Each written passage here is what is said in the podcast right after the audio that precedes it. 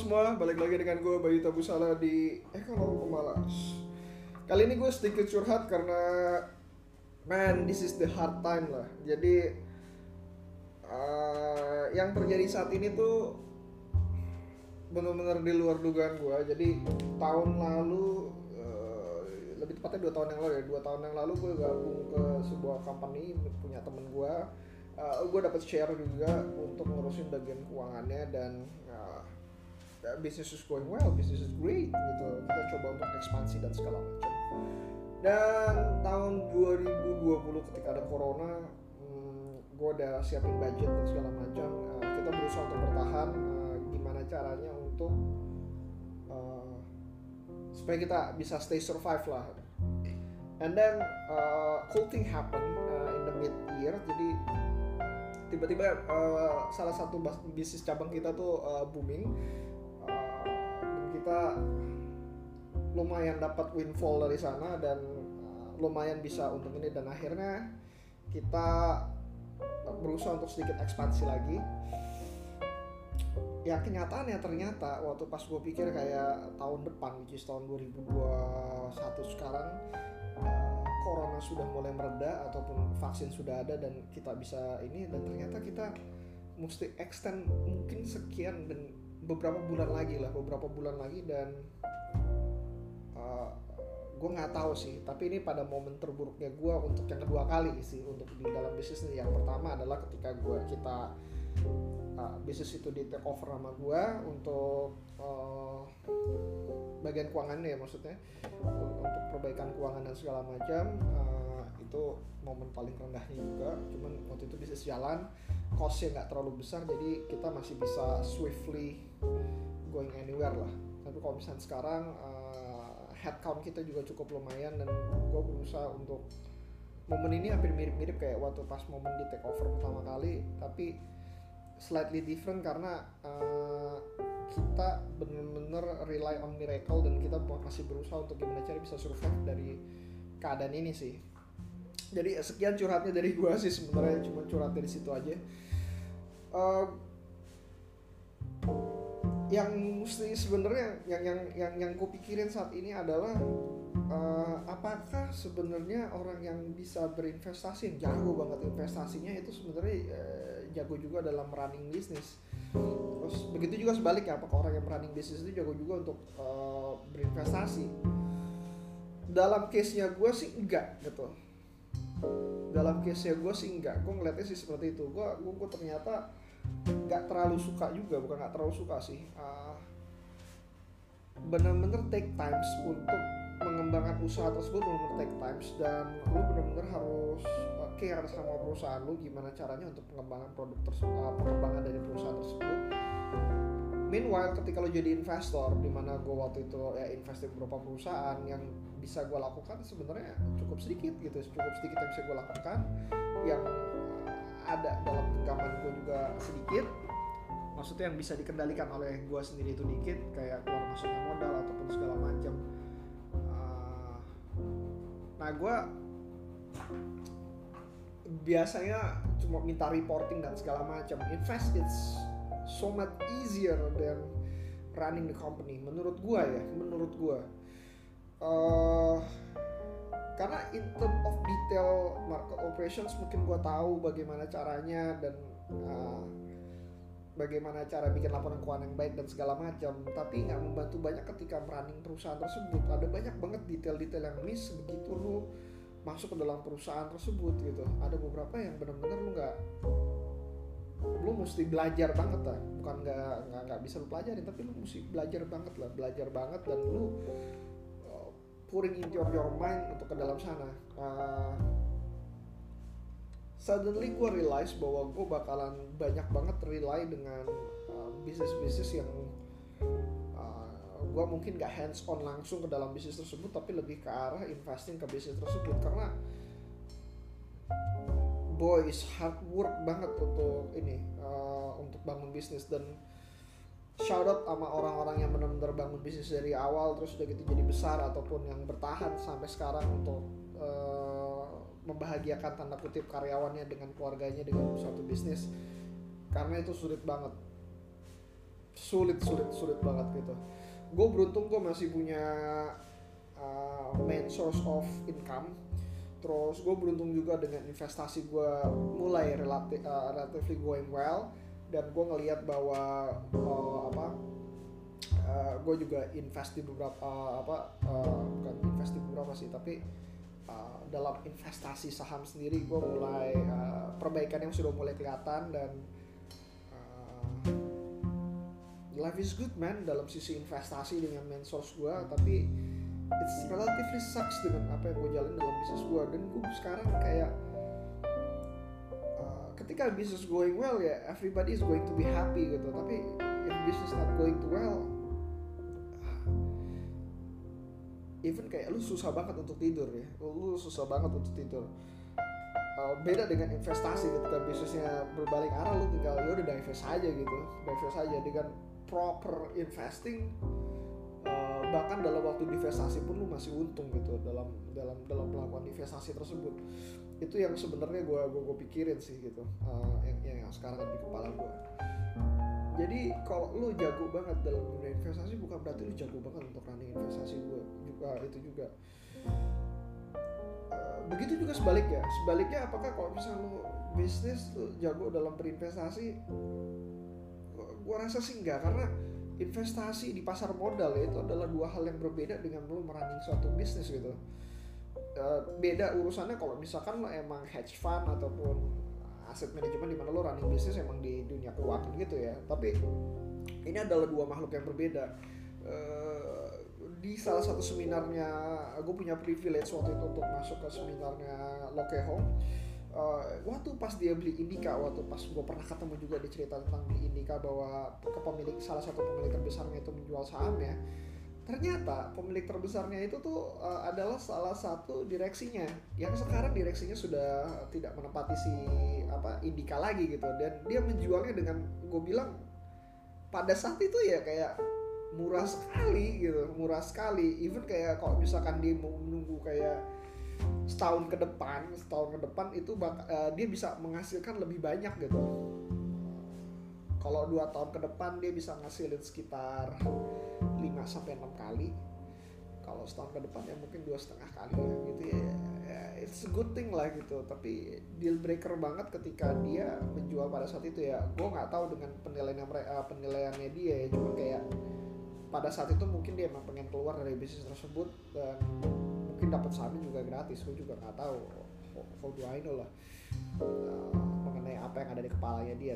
Tapi it happen it happen bahwa orang-orang yang bisnis tersebut pun ternyata gak nggak nggak nggak ngambil keputusan secara investasinya nggak nggak nggak nggak rasional gitu.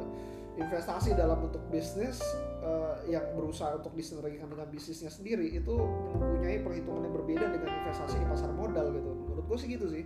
Karena gini ya in real life dalam kehidupan nyata bukan dalam bentuk pasar modal ketika lu berinvestasi pada suatu perusahaan lu nggak mungkin mendapatkan uh, running ya lu running perusahaan dan segala macam lu nggak nggak nggak mungkin ya atau sulit sekali lu mendapatkan dengan IRR misalkan 20% per tahun gitu.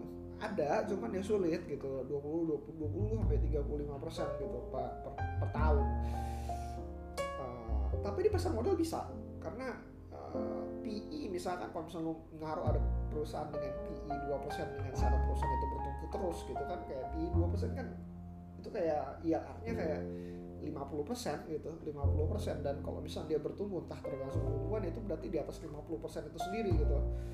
Dan karena uh, pasar modal adalah best expectation masa-masa mendatang uh, PI tersebut bisa bergerak dari PI 2 mungkin jadi PI 10 gitu. Uh, kalau lo ngeliatin kayak Unilever dia tuh waktu pertama kali waktu pas tahun-tahun sekitar uh, 2000-an lah itu PI cuma 11 gitu 11 12 sekarang berapa ya? Uh, 30 something kayaknya. Nah, gue belum ngecek lagi sih. Kalian bo boleh cek juga kayak 30 something. PI nya itu bergerak sepanjang 20 tahun terakhir ya. PI nya bergerak ke angka 30 artinya uh, in term of apa in term of investing dari dari si investor sendiri itu dapat tiga hal. Pertama pergerakan PI tersebut dari PI 2 ke PI 4 artinya kan lo dengan bergerak aja dengan semuanya sama investasi lo udah double. PI 2 ke 34 itu udah berapa kali? Yang pertama. Kedua lu ada pergerakan dari pertumbuhan perusahaan tersebut. Uh, di di mana kalau misal pertumbuhan dari sisi perusahaan ya lu cuma dalam investasi normal ya lu cuma